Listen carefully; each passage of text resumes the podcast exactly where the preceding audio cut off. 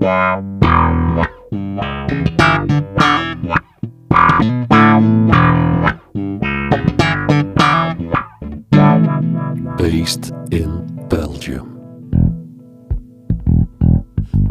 Welkom allemaal bij deze twaalfde episode van het tweede seizoen Based in Belgium. De podcast waarin we telkens één iconische Belgische bassist aan de tand voelen over het reilen en zeilen in zijn of haar muzikale leven. Gecombineerd met een schandalig lekker glas wijn. En al blijft de lente gul zijn zonnestralen gooien hier door de ramen van Studio Le Garage, toch doen de precieze datum en tijd er even niet toe. Want vandaag ontvang ik als basgast mijn persoonlijke guru. De man die me met zijn contrabas, basgitaar en vooral positieve morele steun aanvoerde om als groentje toch eens te beginnen dromen van een professionele bascarrière. Die aansteker luistert naar de naam Christophe de Visser. En toen, halverwege de jaren 90, was hij als eerste lichting officieel afstuderende jazzstudenten op het Brusselse Conservatorium al een muzikant met een eclectisch kamerbreed profiel. Ooit met basgitaar, plektrum en gescheurde jeans op de ingangsproef gearriveerd, laveerde hij wat later door zijn opleiding heen al tussen jazz, wereldmuziek en populaire lichtere genres. Als was het een alledaagse evenwichtsoefening. Dat trok hij ook door toen hij zijn masterdiploma op zak had en de arbeidsmarkt lag even breed open, te wachten op dit van oorsprong West-Vlaamse werkpaard.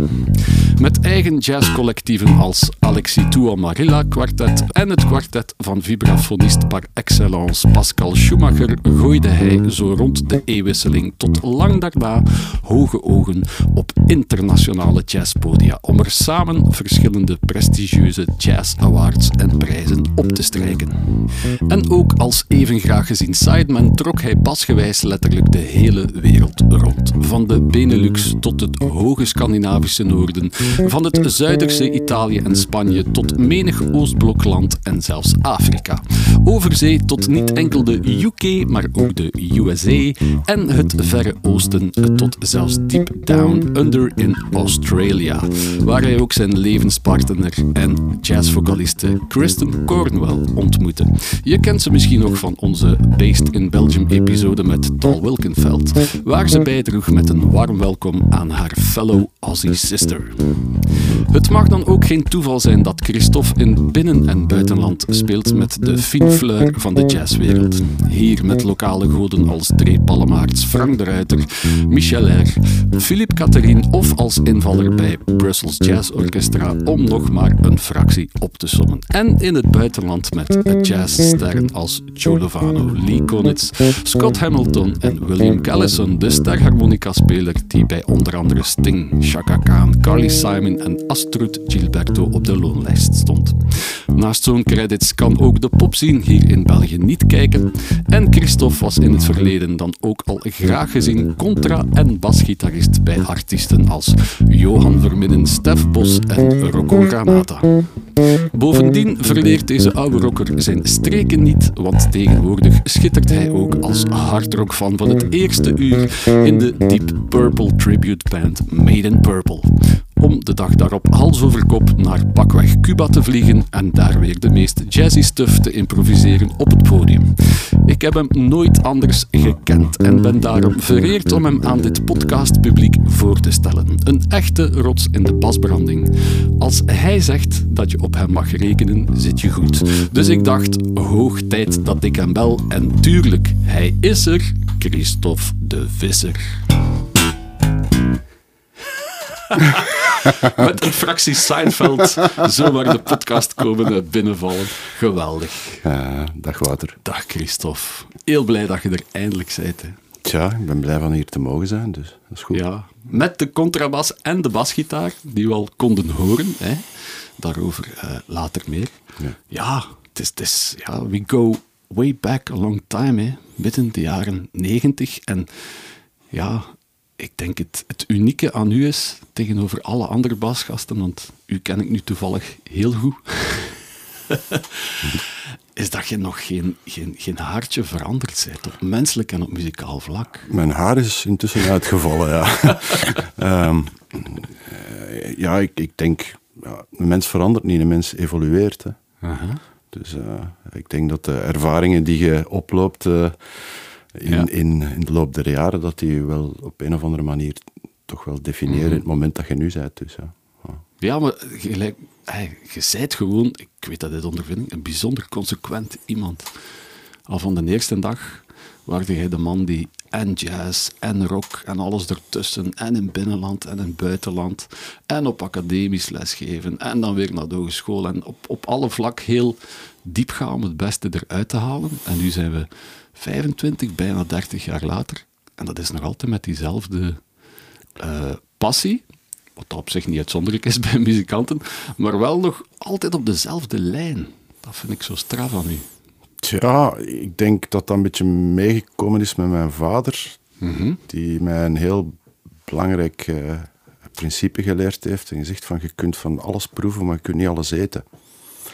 Dus ik vind het wel belangrijk om te blijven proeven.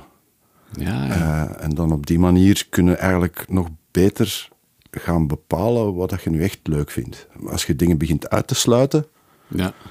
dan denk ik dat dat, dat ervoor zorgt dat je, dat, je, dat je niet fris blijft. In, naar mijn gevoel. Hè. En ik denk dan ook bijvoorbeeld ook aan, aan uw broodheer op dit moment, eh Raymond, die heeft zo'n fantastisch nummer geschreven. Eh, dat begint met de openingszin, in de muziek bestaan ook veel racisten. Hun kop is leeg, de mode vult ze op. ja, inderdaad. En ik denk dat ook gaan, gaan onderzoeken van waar dat het allemaal juist komt, dat, dat dat heel belangrijk is. Niemand van ons heeft warm water uitgevonden. Hè? En de veranderingen die komen doorheen de tijd, het is belangrijk dat je zo ver mogelijk teruggaat en ziet van waar komt dat nu eigenlijk? Ik, ik ben gewoon nieuwsgierig en, en leergierig en ja, altijd maar bijleren. Ja, Stop want ik ging het juist zeggen, bij u ervaar ik nooit FOMO. Fear of missing out.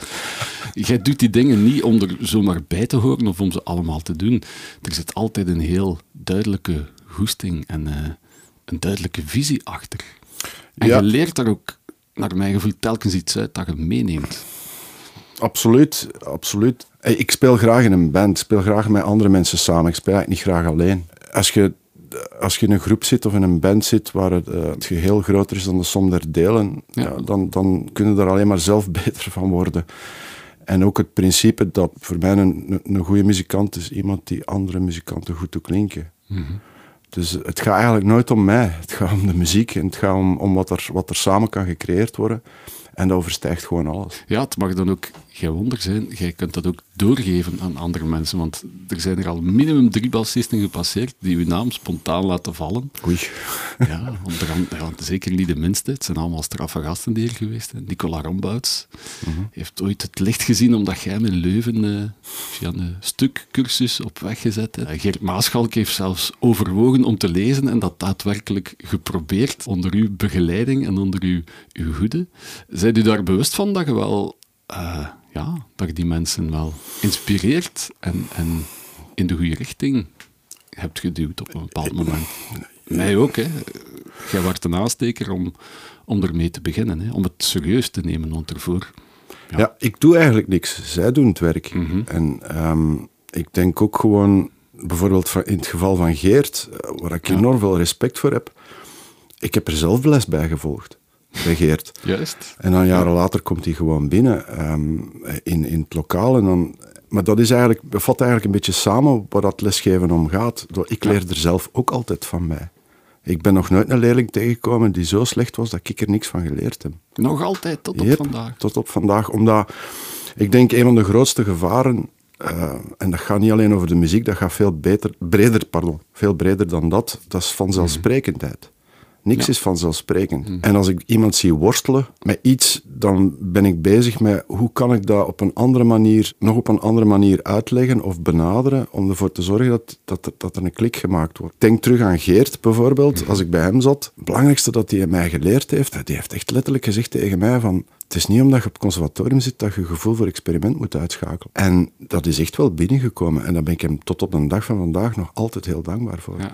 Vind gewoon, dat respect is ook heel belangrijk. ik, ik, heb, ik, ik hou van unieke mensen. en uiteindelijk is iedereen uniek. Hè? Ja, ik, want je trekt dat ook letterlijk door. Hè. De, de simpelste beginner op de muziekschool, of iemand die op een conservatorium bij je binnenkomt, ze krijgen allemaal dezelfde energie van u. Hè. Ja, ik denk dat je dat aan hun moet vragen. Ik, ik, eh, Ja, ik ben met dat zelf... al veel mensen gecheckt. En Ja. Het valt toch op, zeker ook in de, in de lesgeefwereld, dat, ja, ik vind dat je toch een beetje de guru bent.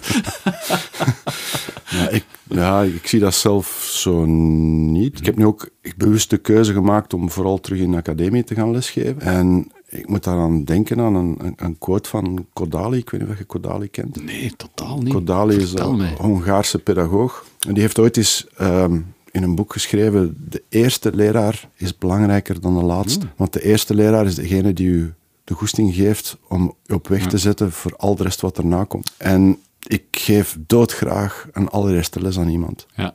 omdat dat, dat is het eerste contact dat die persoon met dat instrument maakt. En dat is zo belangrijk voor alles wat daarna komt. En dat wordt vaak onderschat. Ik heb dat ook effectief, toen, in- toen ik in het conservatorium les gaf, heb ik, dat, heb ik dat ooit eens op een vergadering gezegd. Eh, Toen, in de Ja. hoedanigheid van coördinator. Ja. Ik had toen twee dingen gezegd. Ik had toen gewoon gezegd van, weet iedereen, van iedereen waar hij mee bezig is? Want je zou verschieten. Er zijn heel veel dingen die meer gemeenschappelijk zijn dan dat er verschillen zijn. En dan heb ik ook daar nog eens aan toegevoegd. Ik denk dat er velen van jullie vergeten zijn wat het is om een allereerste les aan iemand te geven. En dat is eigenlijk, dat is weer die vanzelfsprekendheid waar ik het over heb. Ja. Daar moet je heel waakzaam voor blijven, want het is niet omdat jij nergens een probleem mee hebt of met een bepaald aspect, Ja. dat een ander daar geen probleem mee heeft. En het is, het is gewoon in de plaats kunnen zetten van iemand anders. Mhm. En van daaruit gewoon gaan beginnen vroeten om, om, om door die lagen door te geraken, zodanig dat je naar de essentie komt en zegt van kijk, dat, Ja. dat moet je durven onder ogen zien. Dat Ja. dat een probleem is. En uiteindelijk werken aan de zwaktes om de sterktes te Een versterken. beetje zoals met alle dingen in het leven. Don't take it for granted. Hè. En geloof het gerust uit de mond van deze man, want ik besef eens te meer hoe belangrijk dat die eerste les was. voor mij ook. En de man die ze gegeven heeft, zit er nu voor mij. Ja, maar de realiteit is, ik heb mijn allereerst, een van mijn allereerste lessen ooit gegeven aan u. Ah, dat was Ja. voor u ook een Ja, van de eerste. Dat Ja. was een stageles, juist. Jij, ik, ben daar, ik ben daar bijzonder fier op, hè, Wouter. Jij waart ooit mijn allereerste leerling. Wauw, daarmee zitten we al direct in het volgende item. Ik ga vlug een jingle lanceren, dan kunnen we direct door.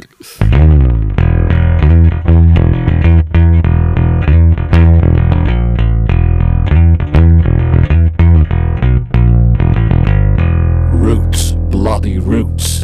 En niet één item verder, maar eigenlijk twee items verder. We zitten al midden in de roots van eh, Christophe de Visser.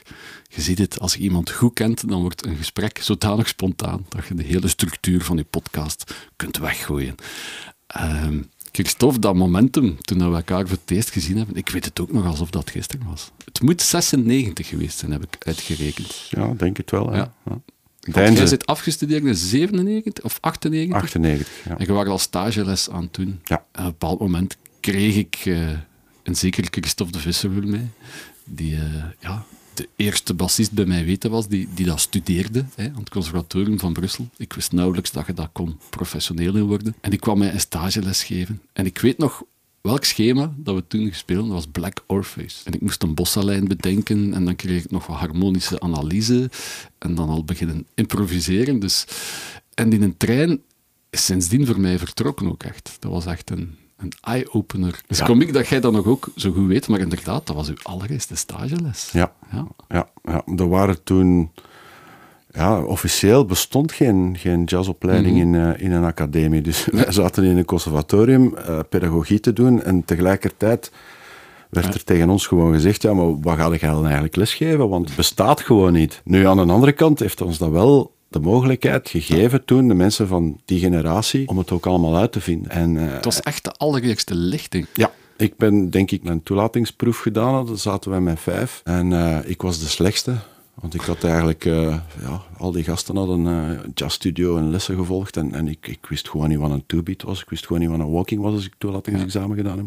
Ja, ik zei het in de intro. Hè. Letterlijk met de gescheurde jeans, het plektrum in de hand en de basgitaar. Ja, en de jury lag gewoon plat, onder, plat, uh, plat van het lachen onder tafel, behalve de ene. Ja, maar dat heb ik pas achteraf geweten. Dat was Bart de Olf. En, Ook een guru eigenlijk. Hè? Ja, ja, ja. ja, ja want ik, die mensen heeft me echt leren bas spelen. Ja. En ik weet, hij heeft me dat ene keer verteld op die toelatingsproef. Wisten ze niet goed wat ze met mij moesten doen, want ik had, mm. ik had daarvoor wel klassiek gedaan. Ik heb even in Gent een uh, klassiek saxofoon, saxofoon gedaan. Hè? Ja, ja. geen bas. Uh, nee, um, ja, iedereen heeft recht om te experimenteren. hè. en, um, en ook te weten wat je vooral niet wilt doen. Met alle respect hè, voor, uh, voor het instrument, maar dat was niet aan mij besteed. Ja. En Barty die zei van ja, ik krijg hier bassisten binnen die al jaren spelen. Die, die heeft duidelijk oren als een kop, want zijn, zijn theoretisch examen is het maximum gewoon. dat was alles. Dat was wel Ja, dat was, dat was, ja, ze zat wel echt met hun, met hun handen in hun haar van wat gaan we daarmee doen. En Barty zei ja, ik wil een keer vertrekken van aanleren en niet van afleren. Want bij veel mensen moet ik dingen af, laten wow. afleren. En hier zie ik zoiets in van, gezien hoe ver dat we daarmee geraken. En voilà, ja. de rest is geschiedenis. Hè. Hij kon eigenlijk ook een soort eerste les aan u geven, eigenlijk. Hè? Voor mij is dat, mijn, dat, is, dat is mijn eerste leraar geweest. Ja. En dat contact was van in het begin... Ik heb, uh, ik heb vijf jaar lang echt gewoon like een bezetene studeren op, op de twee instrumenten. Want uiteindelijk ben ik begonnen op basgitaar daar. En dan ja. is de contrabas pas later gekomen. Hè. En uh, dat, is, dat is te danken aan iemand anders, de contrabas. Ik ben na een, mijn eerste jazzconcert geweest toen ik in het conservatorium zat. En dat was Chris de Voort trio met Dre Pallemaerts en Nick Thijs. Wow, ja die er ook geweest is. Nick, Nick, is. Nick is de reden waarom ik contrabas beginnen spelen ben.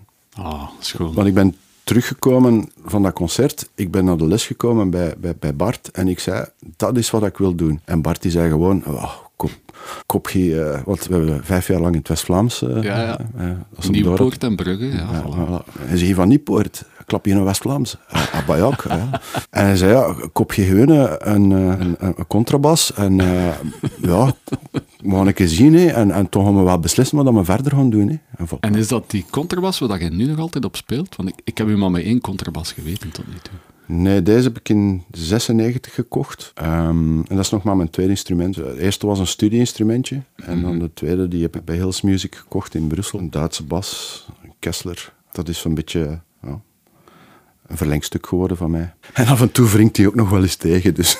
Zo moet dat, hè. Je moet je eigen ook af en toe een keer tegenwerken in het leven. Hè. Ah, absoluut. Daar ja. leer je ook veel van bij.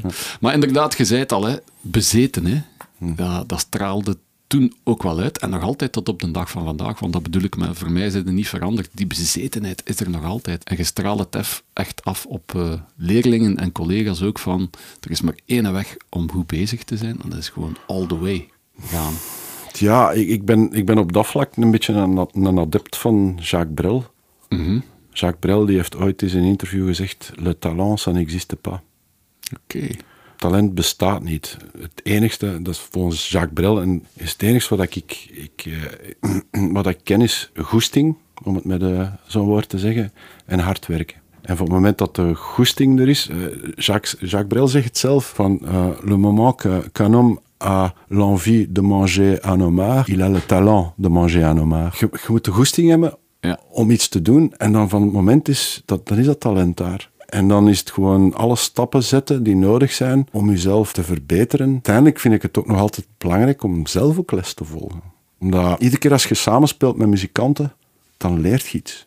Dan volg je eigenlijk les, omdat die een een perspectief binnenbrengen die je zelf moeilijk kunt hebben, omdat ja, die kijk helemaal anders is. En daar leert alleen maar van bij. Die, die openheid naar anderen toe, eh, dat komt vanuit wat dat geluid legde. Ik ben niet gemaakt om alleen te spelen, muziek is iets dat je samen moet doen. Maar ook die, je pompt tomeloze energie in een project ook altijd. Hè. Dat valt mij op. Zelfs al draagt het project niet uw naam, jij bent toch de man die achter de schermen gewoon alles fixt hè? en oplost ja, dat met is... een enorme energie. Of dat was toch, dat zeker was... in de periode van het conservatorium, toen je met Alexis Marilla speelde. Jeff Neven in het begin ook? Nee, met, met, met Jeff, met, dat was... Dat, was, dat was een andere band waar dat... Pascal Schumacher, hè? Ja, dat was, dat, dat was, toen... met Jeff, ja. Ja, Alexis, dat was met Teun Verbrugge, ja. Nicolas Cumer en dan Alexis Tomarello ja. piano. Oh, we waren allemaal studiegenoten. Maar het was wel altijd de visser die dan zei van, kom jongens, agenda's, we gaan plannen. Ik bel dus noods naar ergens in Polen om te zien hoeveel jazzclubs dat er zijn en ik regel daar optredens. Ik regel vliegtickets. Dat is toch een ongeziene kwaliteit eigenlijk. Ja, Extra als bassist. Ik heb daar veel van geleerd, maar ik heb daar ook gevolgen van gedragen. Eh, Omdat als je constant bezig bent met de organisatie en je moet tot vijf minuten voordat je het podium opgaat dingen nog regelen, dan gaat dat ten koste van de muziek. Want het zijn inderdaad twee heel andere werelden. Hè? Ja, het omdat- creatieve en het zaak. Ik heb dat, ik heb dat toen, en dat is, dat is geen kritiek of zo naar de andere gasten toe, Mhm. maar ik trok me dat aan en dan merkte ik gewoon ja, dat, die, dat die gewoon dat podium opgingen met een zekere rust. Terwijl dat ik, ik moeite had om die knop om te draaien, omdat je nog op het laatste moment nog eh, bezig waart met, met, ja, ja, dat gaan we straks eh, regelen en, en, en, en we zullen dan zorgen achteraf dat we dat, en dan vijf minuten later moeten spelen. En, en of je dat nu wilt of niet, onbewust, bewust, neem je dan mee op het podium, merkte dat ik gewoon slechter begon te spelen. Effectief. Ja. En dus op een bepaald moment heb ik, heb ik ook gewoon gezegd van, ik, ik trek deze niet meer. En dan heb ik ook gewoon effectief gezegd naar de band, ik trek deze niet meer. En dan ben ik er gewoon uitgestapt. Omdat ik was op. Ik was gewoon op. Ja. En dat is op dat moment de juiste beslissing geweest. Dat is niet, niet simpel geweest. Ik ben ook nooit bang van het zwarte gat. Dus Nee, eh, hè? als dingen wegvallen, dan weet, van het moment dat dingen wegvallen, maakt het automatisch plaats voor iets anders. Ja, dat heb je ooit in de les bij mij ook gezegd. Van als, je een deur, eh, als er een deur toe gaat, is er altijd weer een nieuwe Ja. deur open gaat. Dat is echt wel uw credo ook. Hè. Je durft echt resoluut een keer een brugje verbranden, of zelfs een paar bruggen. En dan zeggen van oké, morgen is een nieuwe dag en dan start mijn leven weer opnieuw en er zal sowieso een mogelijkheid zijn. Ik heb heel veel, heel veel gelezen, heel veel Mhm. biografieën ook gelezen van mensen waar we allemaal naar opkijken. En als je dan een keer dieper in begint te graven, dan zie je ook momenten waar dat ze niks gedaan hebben, ogenschijnlijk niks gedaan hebben. Ja, ja. Maar dat zwarte gat heeft er terug toe geleid van te herbronnen en ervoor te zorgen dat je terug je weg kunt opgaan die je wilt bewandelen. Maar je moet af en toe dat pad ook eens afgaan, hè, vind ik. In, in, alle besli- in, in alle beslissingen die ik genomen heb om te stoppen met bepaalde zaken, is er wel één ding dat heel belangrijk is om daar tegenover te stellen. Ik ben ook enorm dankbaar voor alle mogelijkheden die ik gehad heb, met wie dan ook te mogen spelen. Eh, en ook al zijn bepaalde zaken misschien in, in een onmin geëindigd, toch heb ik nog altijd dat gevoel van dankbaarheid voor de tijd die we samen gehad hebben. Ja. Het heeft ook geen zin om rancuneus door het leven te gaan. ja, want als je zoveel in een project investeert, Hm. gelijk bij Alex in een tijd, eh, bij Pascal, Mhm. dat er, het hele leven ging eraan op. Ja, dat uiteindelijk is... het dan in theorie jouw band niet, of, of jouw plaat, maar eh, je componeerde ook wel dingen mee. Op, op alle vlakken zat je altijd verweven. Dat, dat moet toch heel moeilijk zijn om jezelf dan aan de kant te zetten als het dan op een dag stopt en niet rancuneus te worden. Nee, in het geval van Alexie en in het geval van Pascal, dat draagt hun naam. Eigenlijk waren die bands collectieven. Ja, hè? En ehm, ik hou van een collectief op dat vlak. En van het moment dat dat collectief in gevaar komt, dan is het voor mij tijd om te vertrekken. Omdat ik merk gewoon dat ik niet kan meegaan in dictatuur. Ja, tuurlijk. Eh, tenzij dat je werkt met iemand waarvan dat de dictatuur zo duidelijk is, Ja. van in het begin, dat is het. Dat het Eh, ook heel veel respect afdwingt. Ja, er moet altijd mogelijkheid zijn om te discussie en er moet mogelijkheid zijn om alle perspectieven in de weegschaal te leggen. Denk ik, vind Mhm. ik. Ehm, omdat je het toch samen doet. En van het moment dat je één iemand binnen een band in een Mhm. keurslijf drukt, dan heeft dat gevolgen voor de muziek. Ik vind het heel belangrijk dat mensen zichzelf kunnen zijn. Ik heb vaak het gevoel dat ze proberen iemand anders te zijn, maar dat is... Ja, dat, dat werkt niet. Ik mijn, mijn, beste vrienden, Frank de Ruiter, eh, die dan zegt van... eh, I'm seeking something that's already found me. Ja. Ja, ja, ja. Je blijft op zoek gaan, maar je zit naar buiten te kijken en niet te veel naar binnen te kijken. Ja, ja. Bij Pascal is dat, is dat, dat is 12 jaar heeft dat geduurd. Hè. Dat is een heel intense heel periode. intensief. Een aantal wissels. Dat is eerst met Teun begonnen, Teun Verbruggen ook. Ja. En dan Jeff Neven.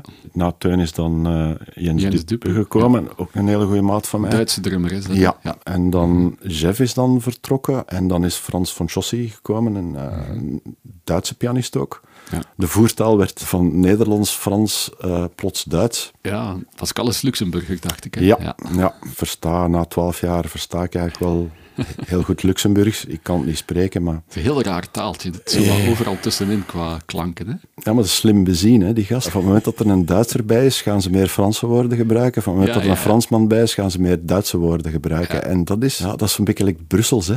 Ja, ja, Ik, absoluut. ik vind dat dat de voertaal moet worden van België. En als mij zijn, zoals Johan Verminnen zegt, dan zijn alle problemen opgelost. Hè. Goed idee. Eigenlijk, ja, zo, simpel had ik het nog niet bekeken. Brussels, prachtig dialect ook. Fantastisch dialect. Ja, ja, dus, eh, Maar we moeten toch van de taal bij de, bij de muziek blijven. En zijn er dan al, zijn er dan uiteindelijk één met jezelf en met die personen met wie dat het dan ooit opgehouden is? Komt dat bij iedereen altijd in orde? Of moet je soms kunnen zeggen van, je kunt niet voor iedereen goed doen, we moeten allemaal verder met ons leven? Ja, en, en je moet ook de mensen een kans geven om, om hun richting uit te laten gaan. Dus, en, en als je niet in dat plaatje past, dan is dat ook zo. Zeker met, met, met Alexie en met, met Pascal, wat dat toch wel heel serieuze projecten geweest zijn die een stempel gedrukt hebben op mij. En ook naar buiten toe heel veel bereikt hebben, hè? Ja, Internationaal en qua tournees en, en qua prijzen. maar daar hou ik me eigenlijk allemaal niet mee bezig. Dat, is, dat zijn dingen die je overkomen. Ik geloof heel hard in het feit dat je zeg maar zo goed als je laatste concert. En dat maakt niet uit welke band dat je zit. Maar die collectieven waar ik het over heb, dat is zeer, zeer intens geweest. En dan op een bepaald moment eh, heb je zo het gevoel dat je vastzit aan een, een soort van eh, navelstreng, die dan toch uiteindelijk eens doorgeknipt moet worden. Je moet het durven doorknippen. Ja, je spendeert, het meeste van je tijd spenderen naast het podium. Hè. Ja. Het podium is maar een fractie van de tijd die we Ja. effectief... eh, en als je dan constant, zoals zeker met Pascal, met een bepaalde periode, we zaten op vijf continenten op vier maanden. eh, en daar zaten nog een paar andere projecten tussen. Maar dat ging al naar het laatste toe. En dan merkte ik gewoon op een bepaald moment van, wat ben ik in godsnaam mee bezig? Ik weet ook dat een hele... Ik kwam in de Sounds binnen in Brussel op een bepaald moment. Eh, Sergio. Sergio. Ja. Ah, John Scofield, il a joué ici, il a deux tickets, deux tickets, pas plus. J'en ai rien à assurer. Ehm, ja, en dus ik, ik wandel binnen in de Sounds en het wat hij zegt tegen mij is van hey, Christophe, tu joues encore, toi? Eh, eh, ja, en mijn antwoord was van eh, oui, mais jamais ici, nooit hier. En dan merkte gewoon dat de, de grond van onder je voeten weg is. Ja. Eh, er zijn zelfs mensen naar mij toegekomen van ah, dat is fijn dat je nog eens op bezoek komt uit, uit Australië. Eh, wat blieft? Ah, je is toch verhuisd naar Australië? Eh, nee. ja. En dan merkte gewoon hoe snel dat mensen nu vergeten of een bepaald idee hebben. Ervan uitgaan, hè. Ja. En allee, dat is met ons ook al overkomen, dat er periodes zijn dat we elkaar niet zien. Ja. Maar wat ik wel heel belangrijk vind in alles, is de rode draad die je opbouwt met een bepaald persoon. Mhm. Eh, en als ik hier nu zo zit, dan heb ik het gevoel dat we terug 30 jaar terug zijn in, in dat schoolken in Deinzen. Ja. Waar, waar, waar, waar je mij vroeg van... Namideur, geef de gek. Namideur, half verminderd.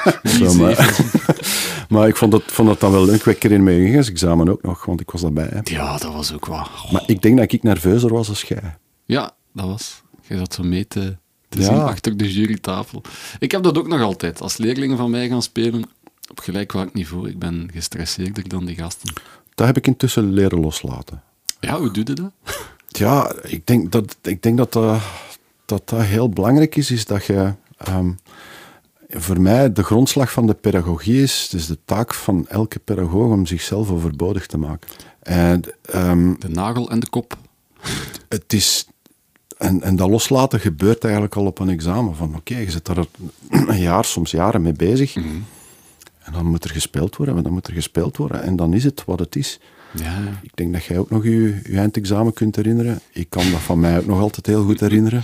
yes. Vooral een John Rocco die naar u toe wandelt en zegt van... Ja, ik sta, sta te wachten. Yeah, Christophe, today there's gonna be blood all over the walls. en ik moest beginnen. dan denk ik, ja, Ook een legendarische figuur, eh, John Rockwell. Hij is nu op pensioen officieel, denk ik. Hè? ja, ja, Een paar jaar al. Ja, ja. Nou, een paar keer ook zomerstage mee samengegeven in het dorp. En ja. Het is ook alles of niets. Hè.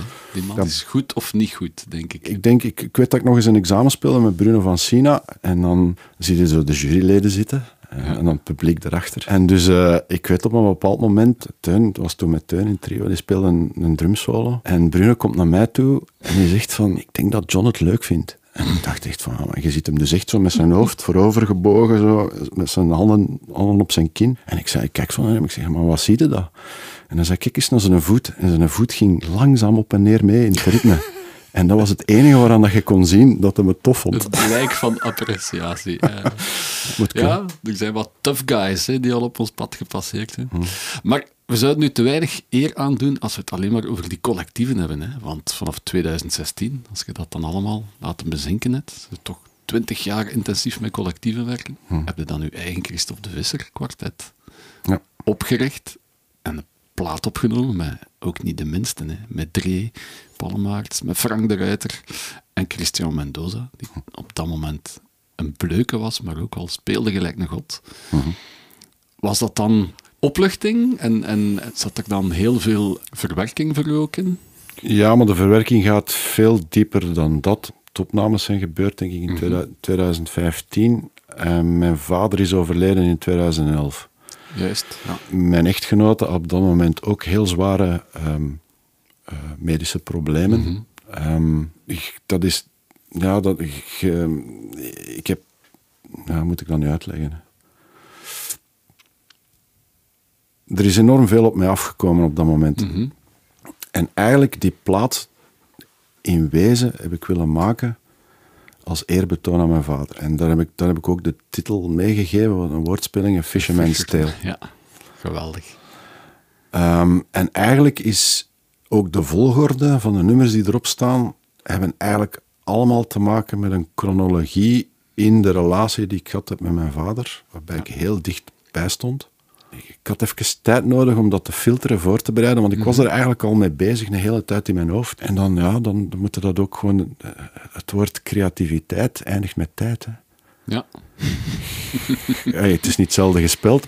Het is wel heel belangrijk dat je, dat je, dat je het rustig laat bezinken. Ik heb dat eigenlijk met alle projecten waar ik zelf mee denk, heb ik graag dat dat gewoon rustig opbouwt. Dat niet Ja.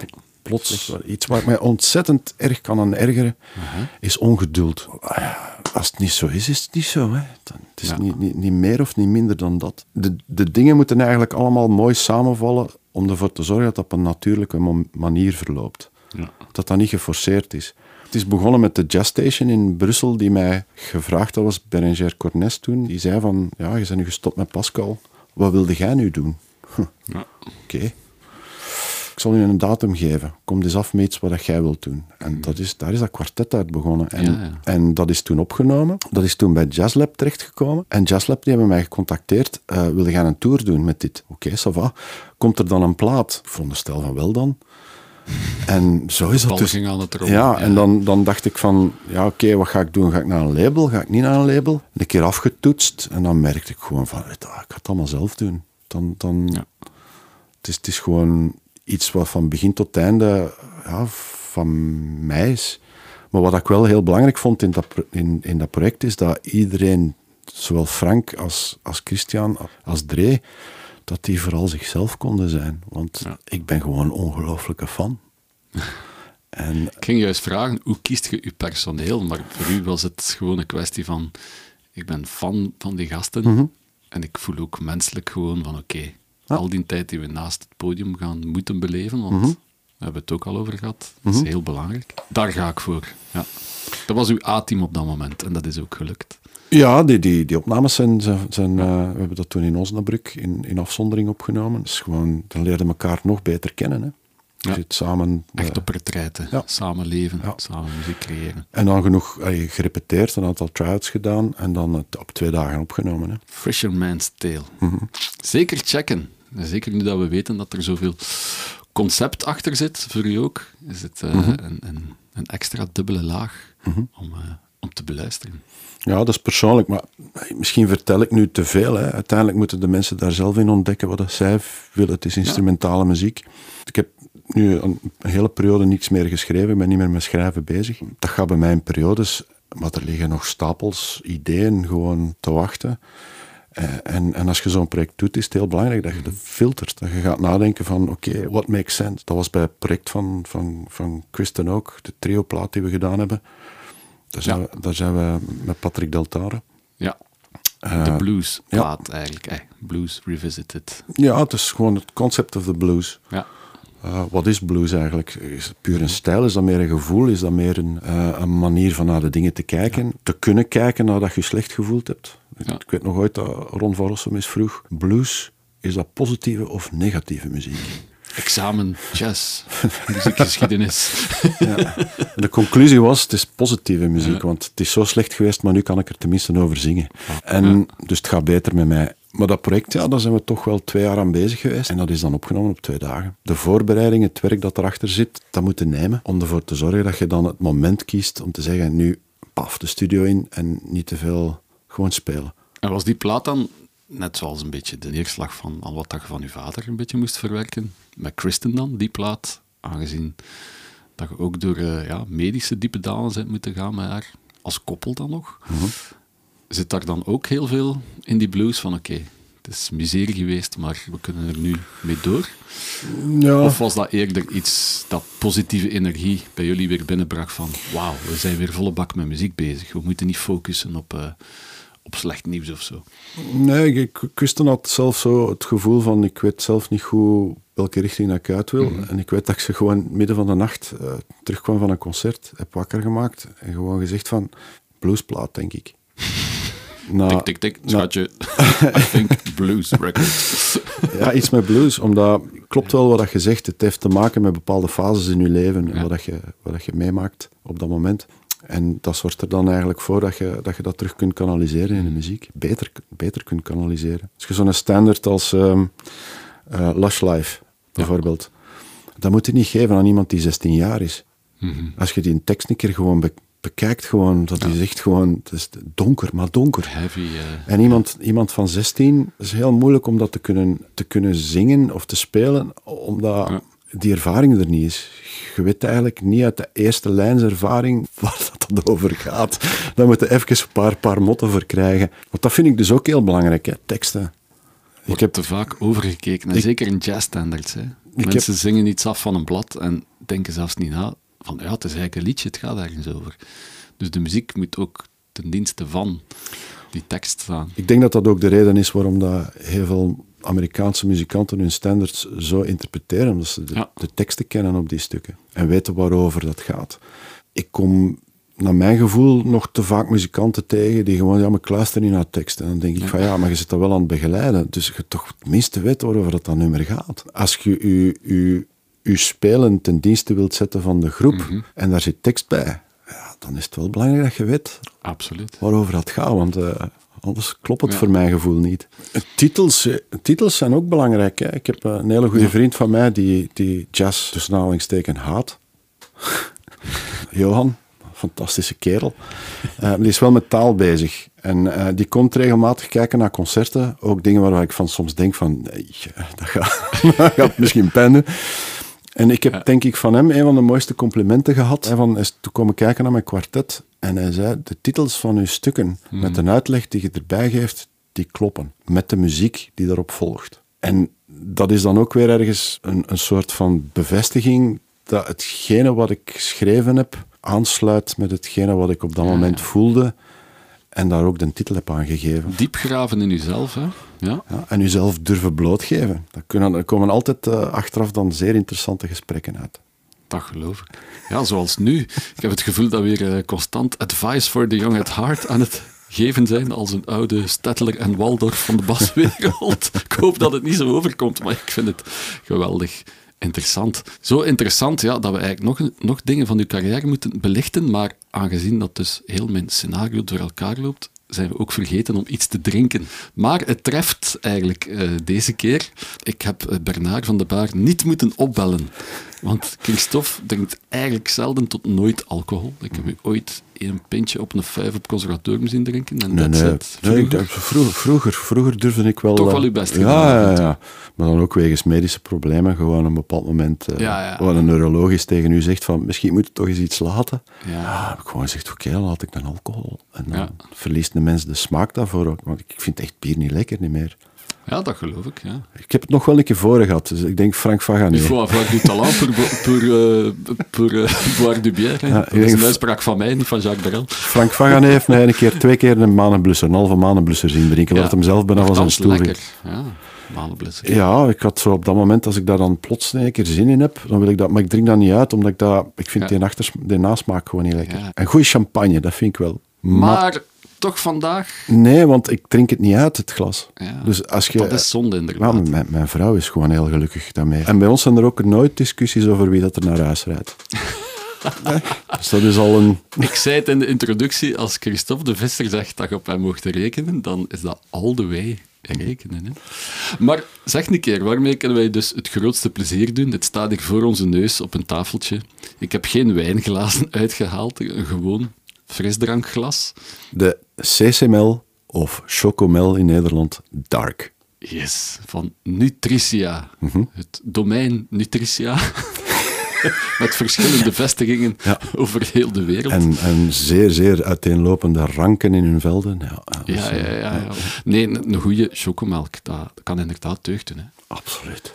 En de Dark CML ja, hebben we ook al op jurytafels boven gehaald voor u. Hè.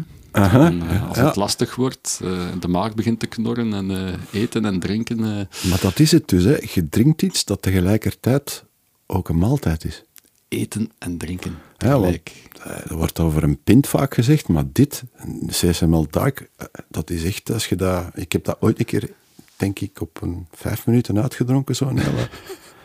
En eh, dat is een blok cement in je maag. Amai. En je krijgt gewoon, je hebt gewoon geen honger Dat meer. zijn serieus wat boterhammen. Hè. Dat smaakt wel, hè. Maar gelukkig worden er eh, niet, niet dronken van. Eh, weet je wat, ik ga met een jingle lanceren van First Things First. Dan hebben de, de mensen die meer autistisch op de structuur van deze podcast zijn ingesteld ook een dingetje gehad.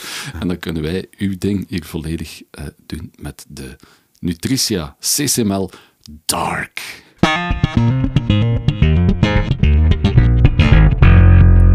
First things first. We gaan het geluid van de CCML die in het glas proberen te Ah, voilà, kijk. Oh. En inderdaad, een dikke, schone, meer dan gewoon donkere brei. Vult het glas. En jij niet, eh, Wouter? Jawel, zeker. Ik ben chocomelk van. Mij of zonder slagroom, koud of warm, maakt niet uit. School. Amai, gaat er vlug. dus.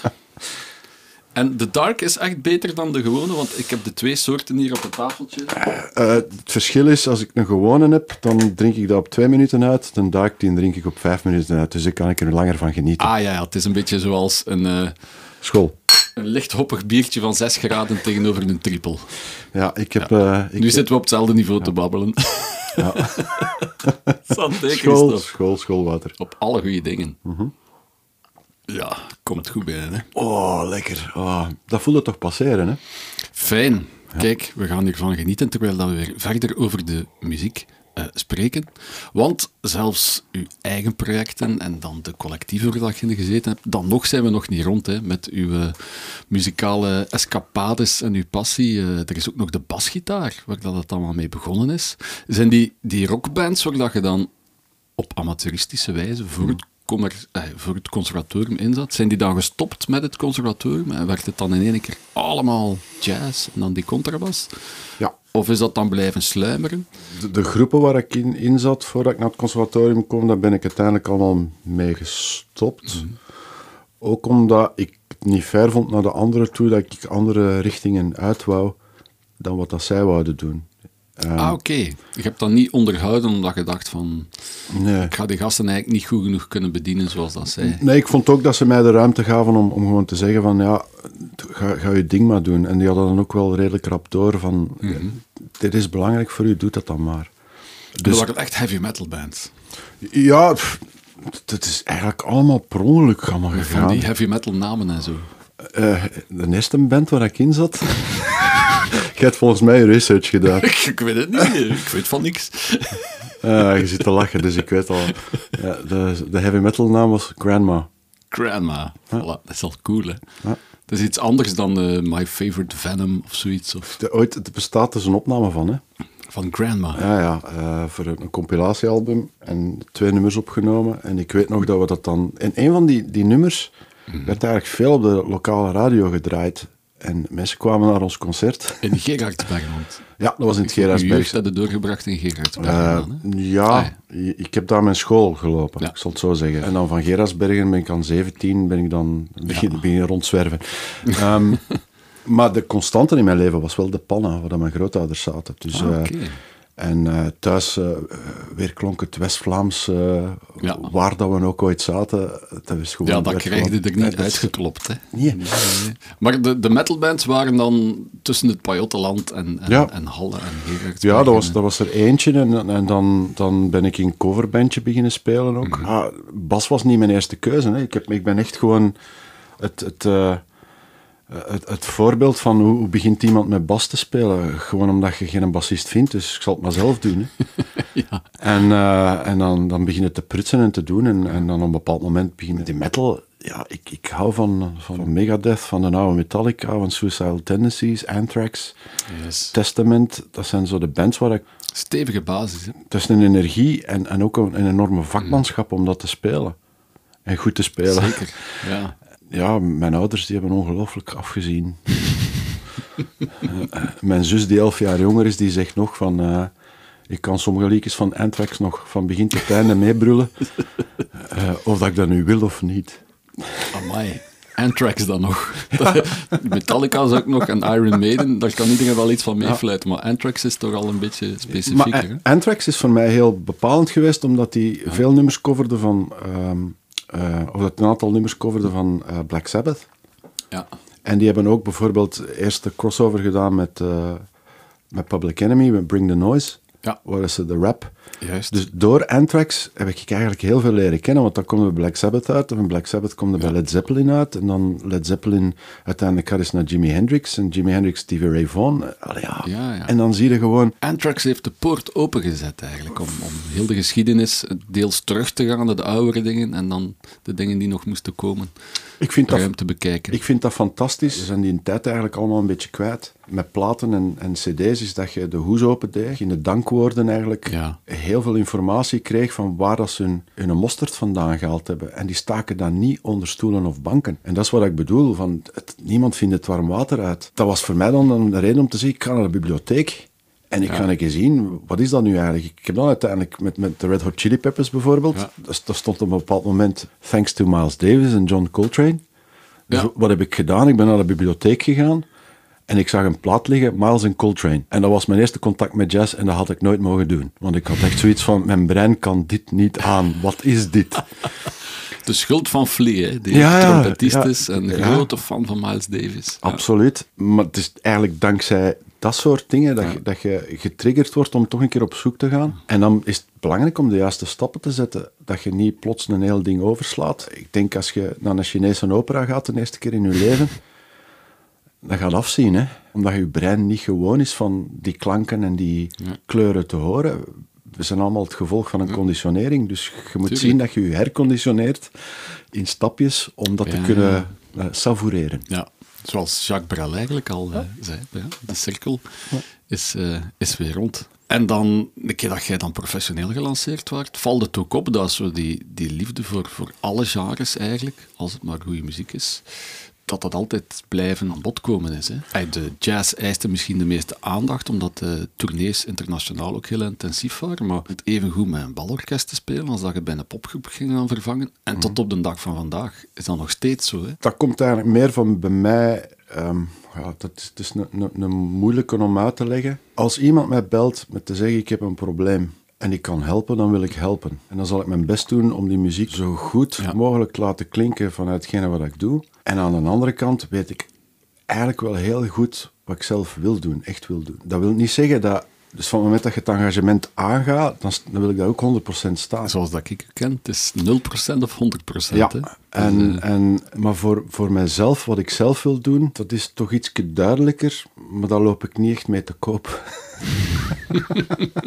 Bescheidenheid siert. Ja. Je kunt pas een idee vormen nadat je het volledig uitgecheckt hebt. Je kunt niet iets slecht vinden als je niet weet waarom dat je het slecht vindt. En soms verbaast je zelf ook gewoon dat je tot de vaststelling komt van eigenlijk vind ik dat helemaal niet slecht. Ik vind dat eigenlijk plezant. Ik vind dat, dat, dat heel... Maar er is een verschil tussen willen en kunnen. Het is niet omdat je iets kunt dat je dat ook wilt doen. Het is niet, niet omdat je iets wilt dat je het ook kunt doen. Voor mij is het graag dat verschil zo klein mogelijk maken. Ik wil het ja, kunnen en ik wil het willen. Daar ligt u, uw happy place in de muziek. -huh. Ja, en, en, ik, ik hou van een uitdaging.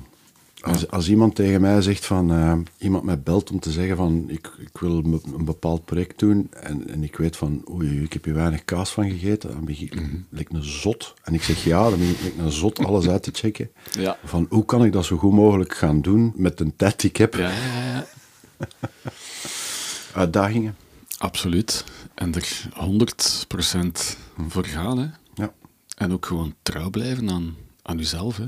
Dat is wat ik u constant zie doen, al 25 jaar. Zoals bijvoorbeeld nu zitten dan in de Made in Purple bij een tributeband. Dan denkt iedereen van, welke gerenommeerde jazzbassist gaat er nu in godsnaam bij een tributeband spelen? Maar jij doet dat omdat dat ook deel van u is. Want dat, dat klopt volledig met wat dat jij voor het conservatorium al mee bezig was. Ik kan me voorstellen dat dat nu enorm deugd doet om dat op professioneel niveau weer te kunnen neerzetten op een Ja, ik beschouw een concert met Made in Purple als een jazzconcert. Dus het gaat hem over de, de iconische plaat eh, Made in Japan Ja. van Deep Purple. in 72. hè. Ja. Dat is een van de eerste, eerste live plaat die een, een hardrockband ooit heeft uitgebracht. Ja. Als, als je daarvan begint te analyseren, wat Mhm. daar allemaal in gebeurt, dan gaat ook van alles mis, hè? Op die Ja, ja, plaat. het is, ze improviseren bij momenten, denk ik. Hè? Of het klinkt toch zo. En als je dan zo'n stuk als Lazy speelt, dat is gewoon walking bass met plectrum en Mhm. Ja. een fuzz. De, de, de, als je John Lloyd in zijn, zijn, zijn solos en escapades dat hij doet, Ja. die speelt quotes van Elgar, die speelt quotes van Bach, die speelt quotes van Duke Ellington. Dus het is gewoon op dat moment het materiaal dat zij voorhanden hadden in hun repertoire en hun, hun, ehm, hun woordenschat als muzikant, hebben ze gewoon samengesmeten. Ja. En die energie die daardoor wordt vrijgegeven, die is gewoon Ja. tot op vandaag nog altijd aan het naklinken in, in die muziek, muziekwereld. 30 jaar geleden, ja, ehm, dan, dan zijn we daarmee een beetje aan het prutsen. Na 30 jaar snap ik beter waar het vandaan komt. En ik, Ja, denk, ik denk dat het is weer tijd hè, en geduld. Dat kwam op het juiste moment. Net, Ah, zo, mooi. net, net zozeer als dat voor mij bijvoorbeeld een van mijn beste vrienden is Carlo Nardoza. Ja, de geweldige trompetist uit Ja. Limburg met een mijnwerkersvader. Ja. Volledig dieper in de Limburg kunnen niet gegrond zijn, hè, met Nee, je- Italiaanse roots. Je doet een concert met hem in duo, omdat hij een plaat opgenomen met Michel Besegda in duo. En Michel die was, eh laat ons zeggen, eh, heel druk bezig met, zoals we hem kennen, met van alles en nog wat. En er waren paar dingen dat hij niet kon doen. En dan had Carlo, want ik speelde wel al eens in kwartet, Ja. mij gebeld en zei, kun jij in duo komen spelen in Maastricht? In plaats van piano Ja, of gewoon komen. contrabas. En wij doen een concert. En na de eerste set zitten wij naar elkaar te kijken en zo van, hey, het is eigenlijk wel plezant, hè? Ja. En hij zegt, zo, ja, misschien moeten we dat eens opnemen. En dan heb ik onmiddellijk gezegd, laat die misschien dan weg, hè. En we zijn zonder repetitie, hij is, hij is bij mij thuis geweest, we hebben tien minuten gebabbeld over van alles en nog wat. En dan zijn wij gewoon bij Max Bolleman in de studio gegaan en hebben we dat dus in één take opgenomen. No rules, gewoon echt, echte jazz, hè. Totally free mind. Het is in het moment, hè. Het is, het is, het is, muziek is een kunstvorm die zich afspeelt in het moment. En dat moment zal ook nooit meer terugkomen. Ja. Dus het is heel belangrijk dat je in dat moment zijt. En dat vind ik zo geweldig, want tot twee seconden voor een optreden, of voor, voor, voordat er gespeeld wordt, kan Carlo een grap maken waarbij dat je, Maar ja, dat je nog... Maar dus die twee seconden daarna, van het moment dat die, die trompet aan zijn lippen komt, is het spel op de wagen. En je, je kunt niet anders dan meegaan. Ja. Ook al zit er nog met tranen in je ogen van hetgene wat het daar juist verteld geweest is. Dat is altijd heel gevaarlijk om met Carlo, als ik een tijdje niet meer gespeeld heb, een tijdje niet meer gespeeld heb met, met, met, met Duology of met Triology, Ja. want nu met, met, met Tim, Tim Finus Tim Nulste trio, hè. Ja, fantastisch. We gaan een tijdje niet meer gespeeld hebben. Dat, dat je zo van, en hoe is het? Uh. En, wat heb je gedaan? Eh, ah, ja, ik ben, ben juist mijn schoon, schoonfamilie gaan bezoeken in, in Australië en zo. Ah, ja, lang zijn we onderweg geweest? Ah, f- toch 32 uur. Eh, Wauw, eh, een heel gesprek. En dan komt dus concert, het eerste nummer. En zegt hem, ja, dit nummer wil ik opdragen aan mijn goede vriend eh, Christophe. Die heeft zoveel uren in vliegtuig gezeten om zijn schoonmoeder te gaan bezoeken. Hij zegt, dit stuk is getiteld Shit Could Happen to You. En dan had It Could Happen to Ja, You it could gespeeld. happen, maar hij noemt dat dan Voilà, Shit Could Happen to You. En, en, maar dus het verhaal erbij... En jij staat daar en ik heb echt zoiets van, ik moet gewoon wat meer mijn mond houden voordat we gaan spelen, want het Ja, komt ja. allemaal terug op het podium. En ik vind dat ook geweldig, hè. Dat is zo... Mooi. Hij is heel goed om mij, om mij iedere keer zo ver te krijgen. Carlo, what a guy. Ja. We love him. Ja. Brengt ons direct in de sfeer van, van de muzikale goden. Hè? Ja, kom, let's do it.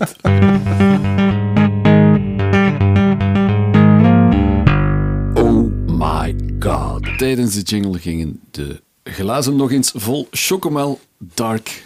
Maar eh, de eerlijkheid gebiedt ons te zeggen voor wie zou denken van wat een gezonde mens is dat Christophe de Visser. Eh, er hangt ook altijd een wolkje rook rond zijn aura. Vroeger waren dat echte sigaretten. Ja, ik ben van het, eh, Heftig, hè? ik ben van het analoge naar het digitale overgestapt. Ja. dat is misschien het enigste. eh, Je bent nu een vapor, officieel. Hè? Ja, maar het is eh, nog iets gezonder. En, en is dat roken dan een beetje ter vervanging van de alcohol om Nee. iets te savoureren ook? Of, of is het meer een gewoonte? Ja, ik, ik, ik weet van mijn eigen dat ik nogal een verslavend karakter heb. Dus ik Mhm. kan makkelijk verslaafd geraken aan iets. Vatbaar. Ja, ja, het is toch belangrijk om te weten wat uw demonen zijn en die dan ook een plaats te geven. Want Ja, van ja. Uw, uw demonen geraakt er nooit af. Je moet die leren omarmen en, eh, en zeggen van eh, oké, die zitten daar en ik weet wat ik moet doen dat die daar blijven. Dus eh, Ja, ja, dat is een zeer wijze uitspraak. Te veel mensen denken dat ze die demonen kunnen uitschakelen, maar daardoor trappen ze weer in de val misschien. Hè? Maar van de demonen naar de goden. Ja, je speelt en basgitaar en contrabas. Dus van mij moet je twee goden kiezen vandaag. twee maar. Ja, twee maar.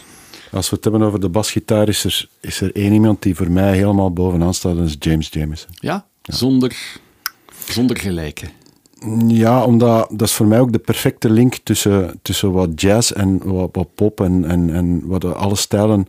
Ja. Het was een jazzbassist, hè, een contrabassist. En die komt dan bij Motown terecht en dan moet hij sessies gaan doen met een, met een Fender eh, Precision Bass. Eh, hij speelde ook met ene vinger, de hoek, hè, was zijn Ja. naam, een bijnaam. Ehm, en dan, maar er zijn toch nog altijd opnames, bijvoorbeeld My Guy van Mary Wells. Daar speelt een Met contrabas. contrabas, hè? Ja. En als je dat dan begint te analyseren, dan zie je gewoon die walking, die, die drops die daarin zitten. Allee, ja, dat is gewoon een, een hybride vorm op dat moment van, ja, oké, wat ken ik, wat is mijn vocabularium, hoe kan ik dat... En dat is dan ook weer bepalend geweest voor alles wat daarna kwam. Hij en Donald Duck Dunn Bij de concurrentie bij. Stax.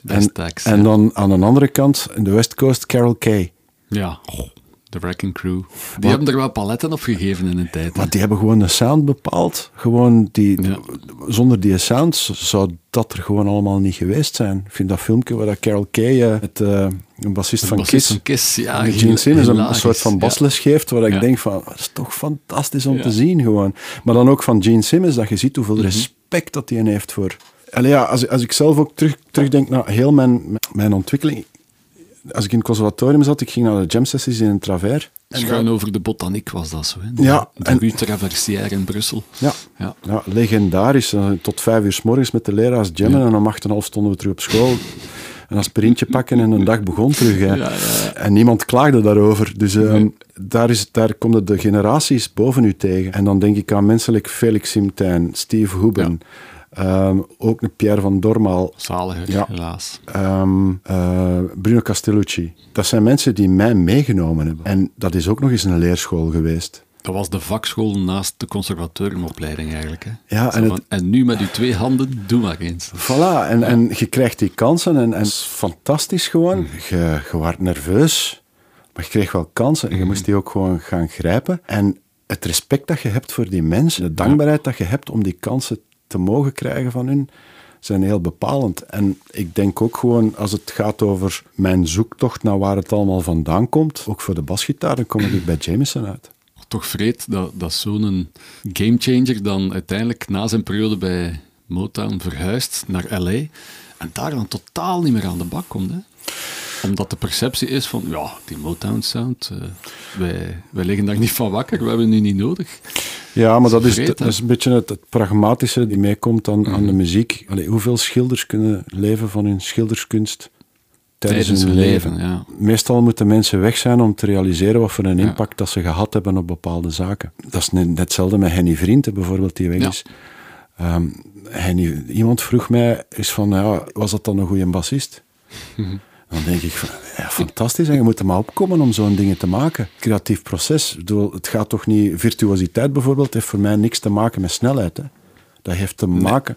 Ik heb dat bij Charlie Hayden gezien. Ik heb er een paar dagen mee doorgebracht. Ja, je hebt clinic bij hem gevolgd, hè? Ja, hij kwam in Gent, ja, voor de studenten. En uiteindelijk heb ik dan een ongelooflijke klik meegemaakt met die mens. Persoonlijk. Charlie Hayden die zei gewoon van... I'm not interested in, in playing a lot of notes. I'm interested in playing beautiful notes. En dat Ja. is voor mij de essentie van, van virtuositeit. Is als je in staat bent om hetgene wat je van binnen voelt... volledig te uiten en over te brengen naar andere mensen toe. Dat is virtuositeit. Energie overdragen, eigenlijk. En dat is niet dat shredden, dat is niet dat eh, zoveel mogelijk eh, noten eh, per seconde erin duwen of rammen. Het gaat gewoon over, over de expressie. En is Charlie Hayden dan de contrabas? God? Of moeten we dan dieper in de tijd teruggaan naar andere goeroes? Voor Nicola Rombouts, de vorige episode, was dat de all-time favorite In, in, in het begin niet. Ik heb echt moeite gehad om naar Charlie Hayden te leren luisteren Ja? tijdens de studie. Ja. Ik was meer bezig met, met, met Ray Brown, Ja. met Mark Johnson, Dave Holland. Ja, dat dat is- Charlie Hayden dat heeft even geduurd voordat ik, ik was daar nog niet klaar voor, denk ik. Omdat je, Ja. je, zit, je zit op een bepaalde leeftijd, je krijgt een heleboel informatie. Ja, dat moet even, even nog filteren vooraleer dat je, dat je zelf tot de vaststelling komt van eigenlijk is dit waanzinnig. Je moet het maar eens doen om met een paar noten gewoon, en niet altijd te juist, hè, Ja. maar gewoon die, die, die, die, die balans tussen spanning en ontspanning. Ja. En hij, hij kon als geen andere, Charlie Hayden kon als geen andere die spanning nog net iets Ja. zodanig rekken dat als het moment van de ontspanning kwam, dat je zo echt zoiets had van, en nu kan ik terug ademen. Maar wel op een, op een, op een manier die, waarbij dat je zelf, de tijd staat stil gewoon. Ja, ja. Je zit, je zit, dus geen- de tijd, tijd en ruimte op dit moment valt gewoon samen. En, Maar ja, de, de eerste plaat waar ik bij Bart en Olf eh, meegekregen heb dat ik moest afschrijven was We Get Requests van Oscar, Oscar Peterson. Trio. Geweldig. en als dat, als dat een binnenkomer is, eh, Ray Brown, eh, ja, die mens die heeft gewoon met iedereen gespeeld hè, ja, dat is echt de basis, hè. Ja, en dat moet je eens nadenken, Wouter. Dus een, een leerling die dat ooit eens tegen mij zei. Oh, Er was een workshop van John Clayton in Brussel en Bart had gevraagd van, wil je niet afkomen als leerlingen willen komen? Dat was fantastisch. Eh, en dan zijn de leerling tegen mij op een bepaald moment van, ik krijg les van u en je hebt les gehad van Bart en Olf. En Bart en Olf heeft les gehad van John Clayton. En John Clayton heeft les gehad van Ray, Brown. Brown, ja. Dus eigenlijk krijg ik les van Ray Brown. Ja, Jij is juist hetzelfde, hè? Ja, Dus-. Maar als je, als je zo denkt, dat is, dat is eigenlijk hoe het Ja. verloopt, hoe, hoe de informatie, hoe de, de energie altijd wordt doorgegeven doorheen generaties. Ik had daar eigenlijk niet bij stilgestaan. Die zei dat gewoon en ik dacht van, ja, is dat nu...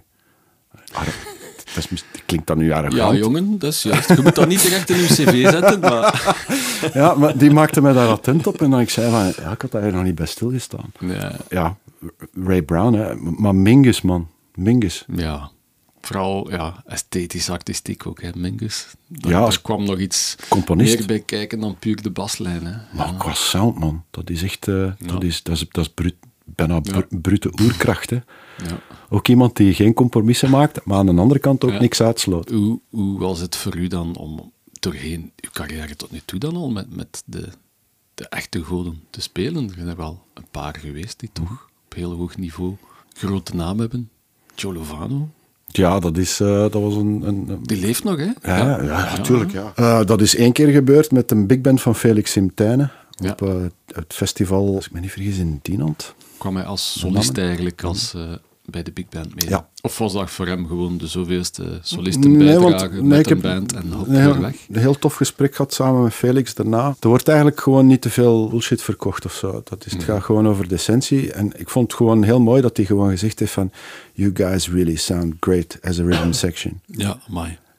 En ik weet dat hij dat niet moet zeggen. Dus dat is, het feit dat hij dat uitspreekt, dat is voor mij oké. Thank, thank you, Mr. Lovano. Lee Konitz, dat was ook... eh, dat deed ik echt wel in mijn broek voor, moet ik zeggen. Ja? dat was echt een, de eerste keer dat je met echt iemand speelt die je in de, in de, in de jazzgeschiedenisboeken eh, ziet staan. Als je ziet wat hij allemaal gedaan heeft. Dat is gigantisch. Die werd 75 en dan werd ik gevraagd om drie concerten te spelen met hem. Ik kreeg gewoon een lijst van 50 standards. Voilà, dat zijn de dingen dat hem, dat hem speelt. Er stonden dingen tussen die ik niet kende, dus dat ben ik gaan opzoeken en gaan studeren. En, want hij was geen partituur op het podium. Ik weet nog dat we aan het repeteren waren in de club en hij wandelt binnen. eh, waren Solar aan het spelen. Hij doet tekenspel, maar verder spelen, maar we zijn gewoon aan het spelen. En hij begint zijn saxofoon in elkaar te steken. Hij speelt ene chorus solo. En zijn chorus is klaar en hij begint zijn saxofoon terug uit elkaar te halen. En ik dacht van, oei, we gaan het krijgen. en dan eh, zei er iemand van de band van, eh, is everything alright, Mr. Konitz? Yeah, it'll be great tonight. Oké. Dat was het. Dus- Meer had hij niet nodig om te weten van met deze jongens lukt het. ja, die wou gewoon- geen energie verspillen. Die had zoiets van, oké, ik heb even gevoeld en afgetast. En dat was in België hier. Ja, dat was in Brussel, ja. Ik denk dat dat met, met, via, met Jean-François Prins was, op gitaar. Ja, met- gitarist. en dan een Duitse drummer. Ja. Kai, nog iets. Ehm, maar even, het is, het is al lang geleden.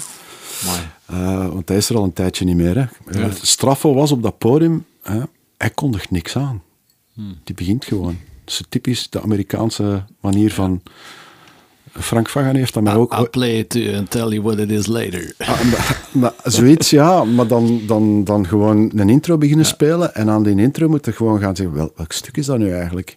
En hij toonaarden doorgegeven voor die standards? Of je moest ook in gelijk welke Ja, nee. Kunnen Dat is, dat is gewoon, ja. Dat is, dat is, echt jazz?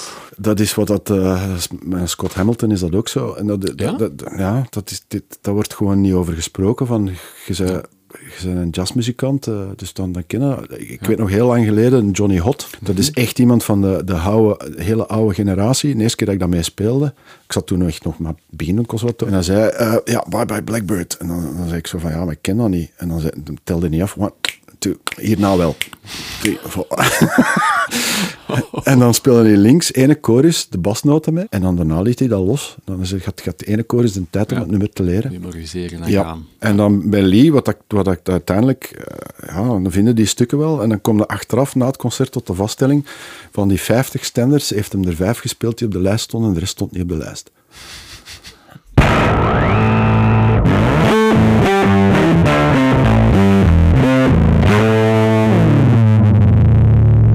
Sluts. Het materiaal dat we gebruiken om onze energie naar het publiek te sturen, Christophe.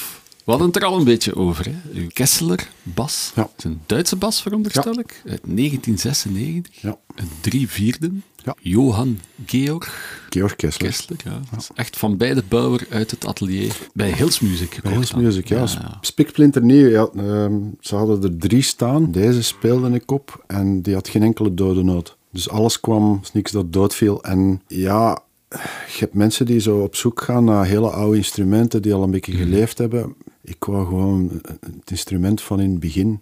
ja. En dan met de strijkstok heel veel eh, opgespeeld om, om, om Open te krijgen. ja, de resonantie eh, nog verder uit te typen. eh, want hout dat leeft en beweegt. En, en voor de contrabas ga ik dan ook regelmatig bij Pascal Gillis in Ja. De luthier. Om die regelmatig te laten afstellen en zo. Wat moet er dan regelmatig bijgesteld worden? Alles beweegt. Hè. Ik denk ook gewoon Ja. het feit dat je in een auto... Er zijn eh, wat meer verkeersdrempels ook waar je over moet. Ja, ja. En ja, dat heeft toch altijd effect voor het instrument. Kam verschuift altijd een beetje Ja, en zo. en dan voelde gewoon, ja, het is, het is tijd van een keer binnen te doen, dat, dat, dat er een keer een expert met een oog naar kijkt en zegt van dat kan beter en dat kan beter. Ja. En eh, dan krijg ik die bas altijd terug eh, afgesteld laag.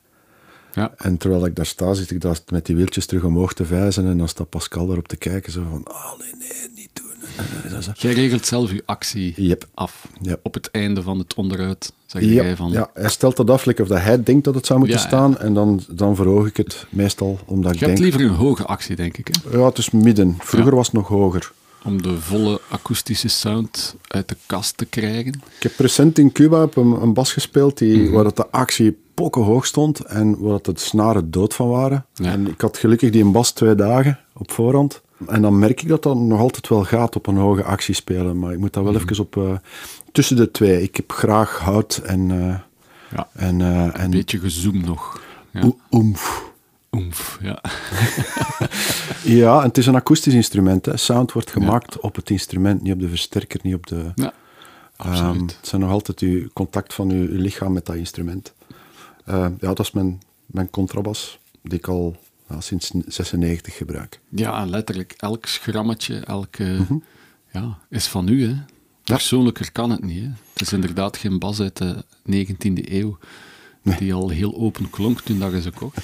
Een andere oplossing is eventueel, eh, je hebt er ook ervaring mee, de, de elektrische contrabas, Ja. eh, de stick bass, de detachable bass. eh, Paul heeft er een ja, gebouwd. Paul Belgrado heeft er ooit eentje voor u gemaakt om te toeren. Hè. Mijn grote, grote vriend, letterlijk en figuurlijk Paul Ja, Begrado. de grote vriendelijke basreus. Hè.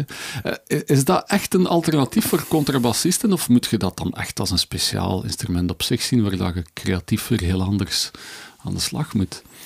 Ik heb het laten bouwen gebaseerd op mijn bas. Dus het is eigenlijk een, Ja. Mhm. kop- een kopie van de bas die ik heb. Dus ik heb niet het gevoel, halsgewijs, dat ik op een ander instrument aan het spelen ben. Ja. Natuurlijk, ja, ik heb die klankkast niet volledig. En eigenlijk heb ik dat vooral gebouwd, want tot 2008 nam ik die contrabas mee op het vliegtuig. Vertrek was nooit een probleem. Terugkeren is een paar Mhm. keer gegijzeld geweest, letterlijk. Want je bent een grote target als je daar binnenkomt op eh, een groot doel. Dat zo op je, op je voorhoofd staat Daar als je ze naast kijken. Ja. Ja, van, die gaan we een keer even hebben. En je moet ook echt een goede polyester flightcase Ja, hebben of je heb ik. komt in Ja. duizend stukken terug uit het vliegtuig. Tot nu heb ik altijd chance mee gehad. Maar in 2008 was ik het kotsbeu van iedere keer eh, die stress te hebben van terug te keren. En dan ben ik met Paul beginnen praten over eh, alternatieven. En is, heeft hij die gebouwd. En eigenlijk gebruik ik dat vooral als ik naar plekken ga in de wereld waar een contrabas zeer, zeer moeilijk te vinden is. En dan heb ik tenminste toch iets.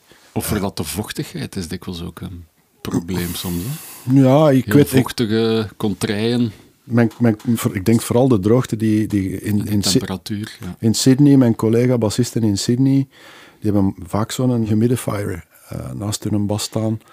Om in de zomerperiode ervoor te zorgen dat hun bas niet te veel uitdroogt, omdat je ook vlak aan de zee zit met zout. Dat zijn factoren waar je rekening moet mee houden. En de hout verduurt sneller Ja. En, eh Ja, het begint te kraken en, eh, en voordat je het weet valt het gewoon uit elkaar. doe Trash jazz. trash jazz. Demolition jazz.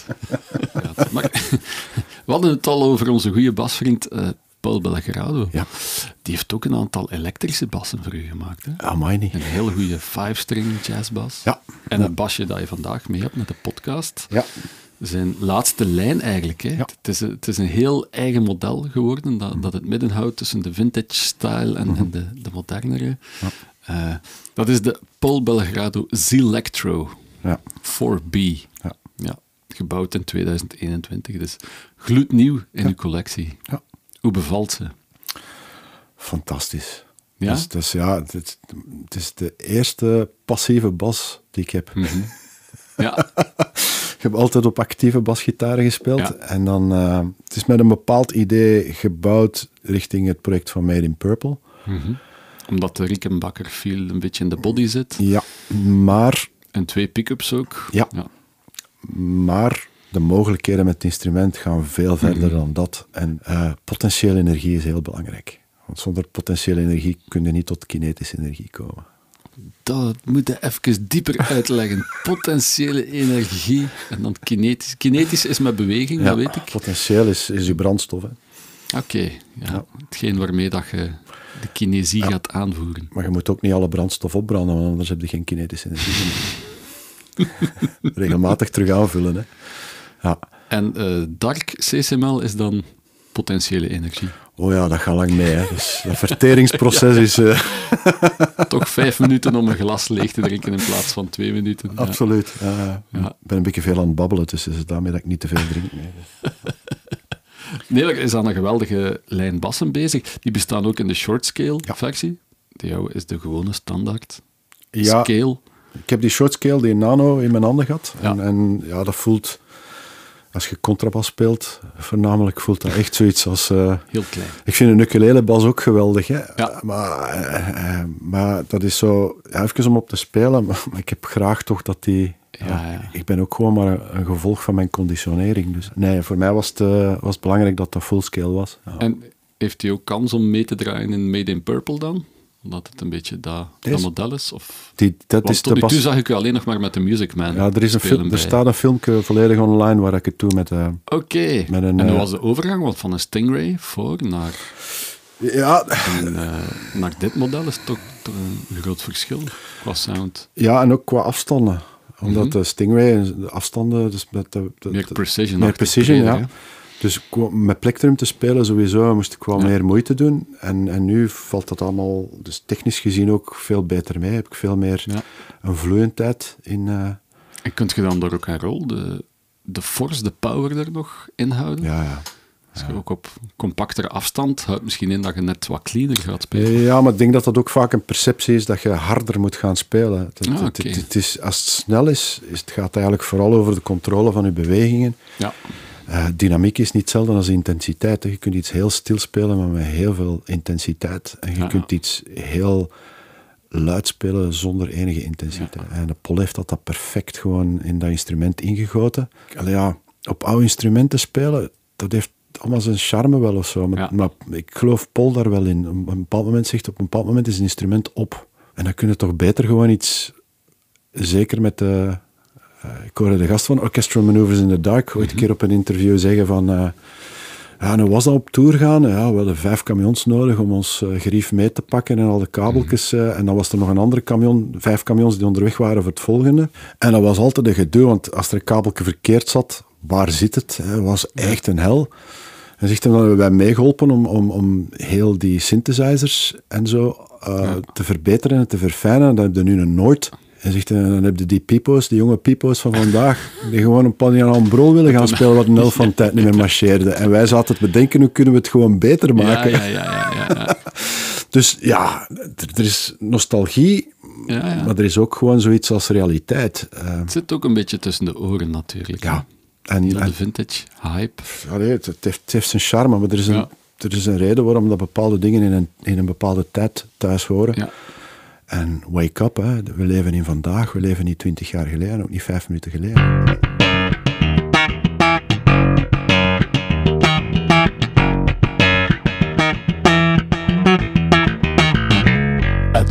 Advice for the young at heart. Ziezo, van een man die al zoveel andere professionele bassisten inspireerde in hun apenjaren, eh, verwachten we in dit item wel een vette kluif. We hebben eigenlijk al heel veel informatie gekregen. Hè? Al was het maar, eh, wat hebben we allemaal gehoord? Ja? Dat je geen angst mocht hebben voor het zwarte gat. Dat eh, Brussels de voertaal in België zou moeten zijn. Dat tekst ook heel belangrijk is. Dat de happy place van eh, de muzikant Christophe de Visser tussen het willen en eh, kunnen in de muziek zit. Nou, het samenbrengen van ja, die twee. voilà. En ook shit could happen to you, dat weten we nu ook, dankzij Carlo Nardozza. Absoluut. Wat is uw ultieme advies aan bassisten in het algemeen? ik denk gewoon als je in het professionele wilt gaan, want ik vind zo carrière een heel raar woord. Dus het is zo Mhm. een loop, een, een levensloop dat je doormaakt. Een evolutie Een eigenlijk. als evolutie, ja. Is dat, voor mij is, is een instrument bespelen hetzelfde als, als iemand die een goede vloer legt of zo. Of, of, of, eh, mijn, mijn grootvader denk die dakwerker was. Vakmanschap. Vakmanschap, inderdaad. Als je dat ziet doen door iemand die daar heel goed in is, en ook met plezier doet, dan zie je eigenlijk het werk er niet achter. Dan denk je van, oei, Ja. die is zo uit de, uit de, uit de moederschoot gekomen. En ja, er zijn nu, je kunt geen dingen overslaan. Mhm. There are no shortcuts. Dus dat wil zeggen, graaf in, in, in, het, in het opbouwen van een vo- vocabularium op dat instrument, zodanig dat je eigenlijk opties hebt om je expressie zo compleet mogelijk te maken en constant te blijven bijschaven, want het stopt nooit. Ja. Het is constant. Eh, Als, als, was dat Mark Twain die dat zei van find a job you like doing and you'll never work a day in your life. Ja, geniet ervan. Het is toch niet allemaal kommer en kwel of zo. Want er wordt in onze wereld, er wordt in onze Ja. wereld toch wel een stukje afgezaagd. En dan denk ik van ja, ja, eigenlijk wel. Hè? als ik bijvoorbeeld zo ik, een opmerking hoor, ja, ik moet gaan spelen. Dan denk ik van, is dat het werkwoord dat je absoluut wilt Ja, ja. gebruiken? Is dat misschien geen tijd om iets anders te gaan doen of zo? Ja. Je moogt gaan spelen. Geniet ervan. Hè. Je hebt alleen maar dit leven en, en, en that's it. Alles wat op je weg komt, goed of slecht, is allemaal, mm, Ja. allemaal brandstof. Potentiële energie. Absoluut. absoluut. kinetische energie Ja, en, te en, voeden. En be careful what you wish for, you might get it. Ja, dat had ooit tegen mij ook gezegd. Op het moment dat ik ook dacht van, ah nee, het gaat allemaal niet, niet gebeuren. Wat zit die gast in Leuven op dat kot te zeggen tegen mij? Pff, ben 21 jaar. eh, Ik zal al blij zijn als ik een jaar conservatorium kan doen. Maar inderdaad, je moet er durven rekening mee houden dat het ook goed kan evolueren. Hè? Het is, zo, het is precies verboden om ervan te genieten of zo. Je moet afzien. Ah, nee, tuurlijk niet. Bij momenten is het zwaar en hard, ja. Ja, en dan winde jij er ook geen doekjes om. Hè? Dan, Nee. dan ga je wel all the way ook. Hè? Met leerlingen of mensen die daar samenwerken van oké, het is een moeilijk momentje nu, maar 1, 2, 3 en we zitten in dat moment en we gaan daardoor. Je Ja. gaat niet rond de hindernis. Hè? Maar dat heeft te maken met het feit, denk ik, vooral, zo leg ik dat uit, van je zijn met, we zijn met iets persoonlijks bezig, maar je mag het niet persoonlijk nemen. En zolang dat iemand feedback geeft, want dat heb ik toch bij Bart keihard gevoeld, geeft hij eigenlijk teken dat hij in u gelooft. Van het moment dat de feedback stopt, mm, Ja, dan wil dat zeggen dat de ander eigenlijk geen moeite meer wil doen om... dan is er geen verbinding meer. Hè? Nee, dan wordt dat afgesloten. En er wordt soms ook gewoon een gigantisch hard rond de pot gedraaid en tijd verloren. Als je nu gewoon zegt van... Ja, ik heb dat ooit eens in een combo-les gezegd tegen mijn leerlingen in de academie. Van ja, mijn, mijn hart breekt, want eh, je doet de muziek geen eer aan. Het feit dat dat even gezegd wordt, dan begint het gesprek dat nodig is en het werken eraan om dat allemaal terug beter te maken. Het is gewoon een vaststelling, het is geen verwijt. hè. Ik denk dat vaak mensen dingen persoonlijk pakken, terwijl het gewoon om een vaststelling gaat. Ja. dus Maar ja. het is natuurlijk een, een vergrootglas hè, op uw ziel. Want muziek is een soort veruitwendiging, uw expressie van uw ziel. Dus als daar commentaar of bijsturing op komt, dan is dat soms moeilijk om in die spiegel te kijken. Hè? Ja, maar dat hebben we toch hetzelfde ook als we in de studio zitten. Of naar een opname luisteren van onszelf, waar we van dachten van dit Ja. is, dit, eh, wauw, we hebben slecht gespeeld. En dan luisteren we twee weken daarna die opname en dan komt de vaststelling van, hé, hey, deze klinkt eigenlijk wel goed. We zitten ook in iets wat dat we van, eh, we zitten er middenin als we het doen. En daarom is de taak bijvoorbeeld van de producer ook heel belangrijk, die gewoon zegt van, eh, jongens, dat is allemaal niet belangrijk en dat is niet belangrijk. En als leraar zijn eigenlijk ook producer. Ja, afstand nemen op degene die bezig is. Hè? Ja, en dan gewoon de interactie. Als ik lesgegeven heb, eh, een maandag zes uur lesgegeven heb, ik rijd kapot naar huis. Hè. Het moment zelf niet. Ik voel mij moe achteraf, Ja, maar gelukkig moe. heel veel energie gegeven. Als je weet waarvan dat je moe bent, eh, dan mag je van geluk spreken. Hè. Voilà, dat vind ik nog de allerschoonste conclusie.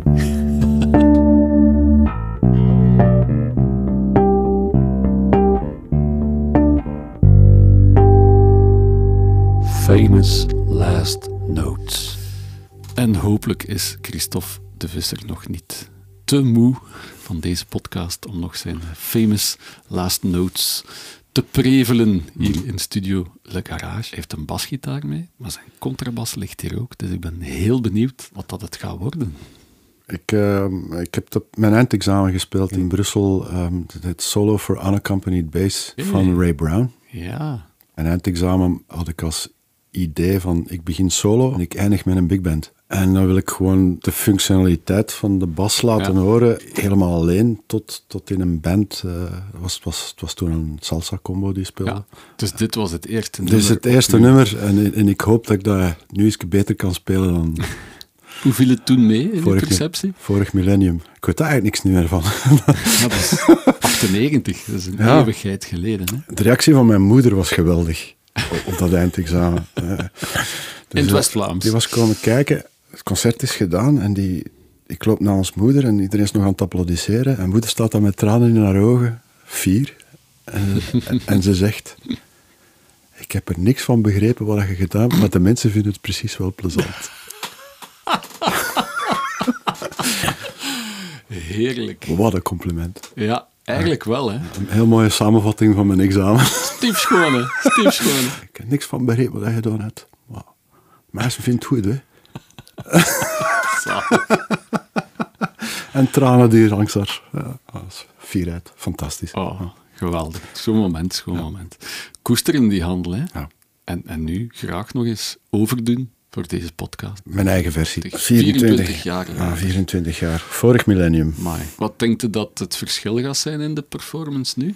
Ik verwacht nooit iets van iets wat ik ga doen. Ik kan alleen maar vaststellen in het moment. Ik kijk ook ooit nooit uit naar een concert. Ik kijk, daar, ik kijk daar wel naar uit, maar ik ben daar niet mee bezig, omdat het op het moment dat er gespeeld wordt, dat, Ja. dat je pas weet. eh, Geen voorbedachte raden, want dat belemmert het moment. Ja, en ik denk dat de extremen van ontgoocheling en de andere extremen, je kunt die best vermijden door gewoon te zeggen, dat is de situatie en van daaruit gaan we het doen. Dus ik weet het niet, zullen we wel zien. Oké, dan gaan we rechtstreeks vanuit Studio Le Garage naar het hier en nu, volgens Christophe de Visser.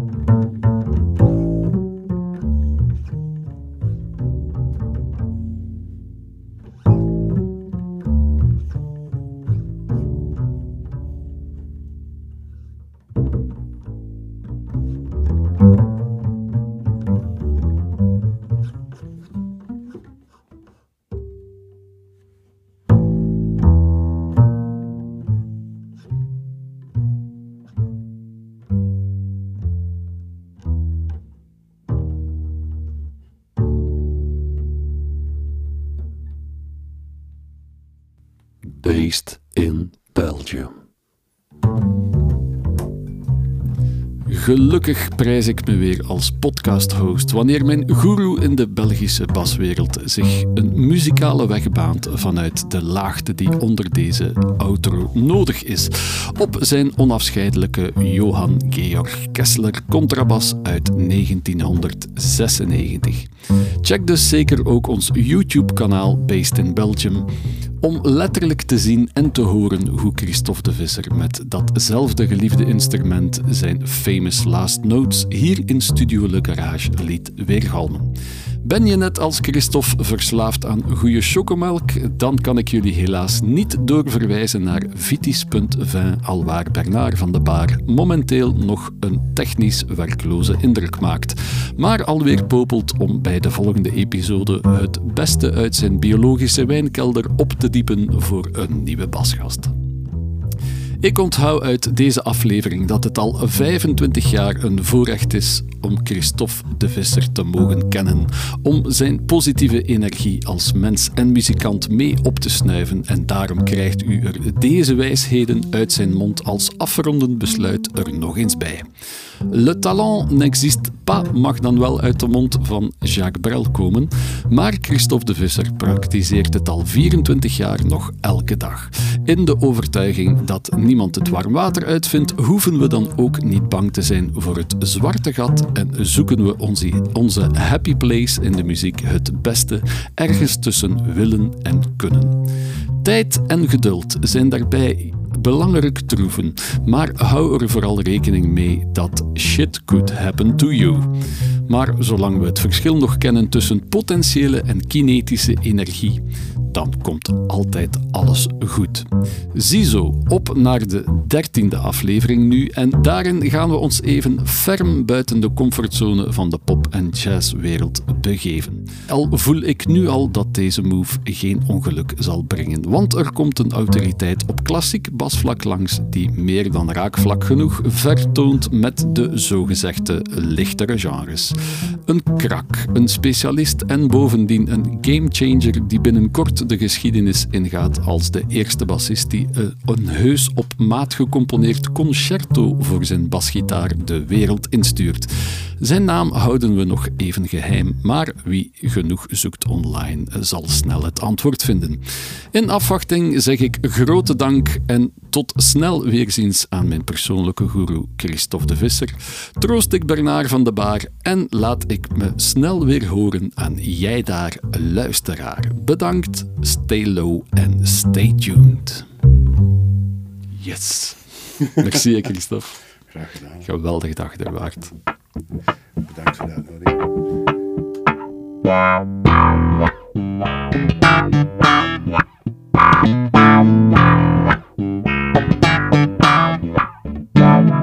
Based in Belgium.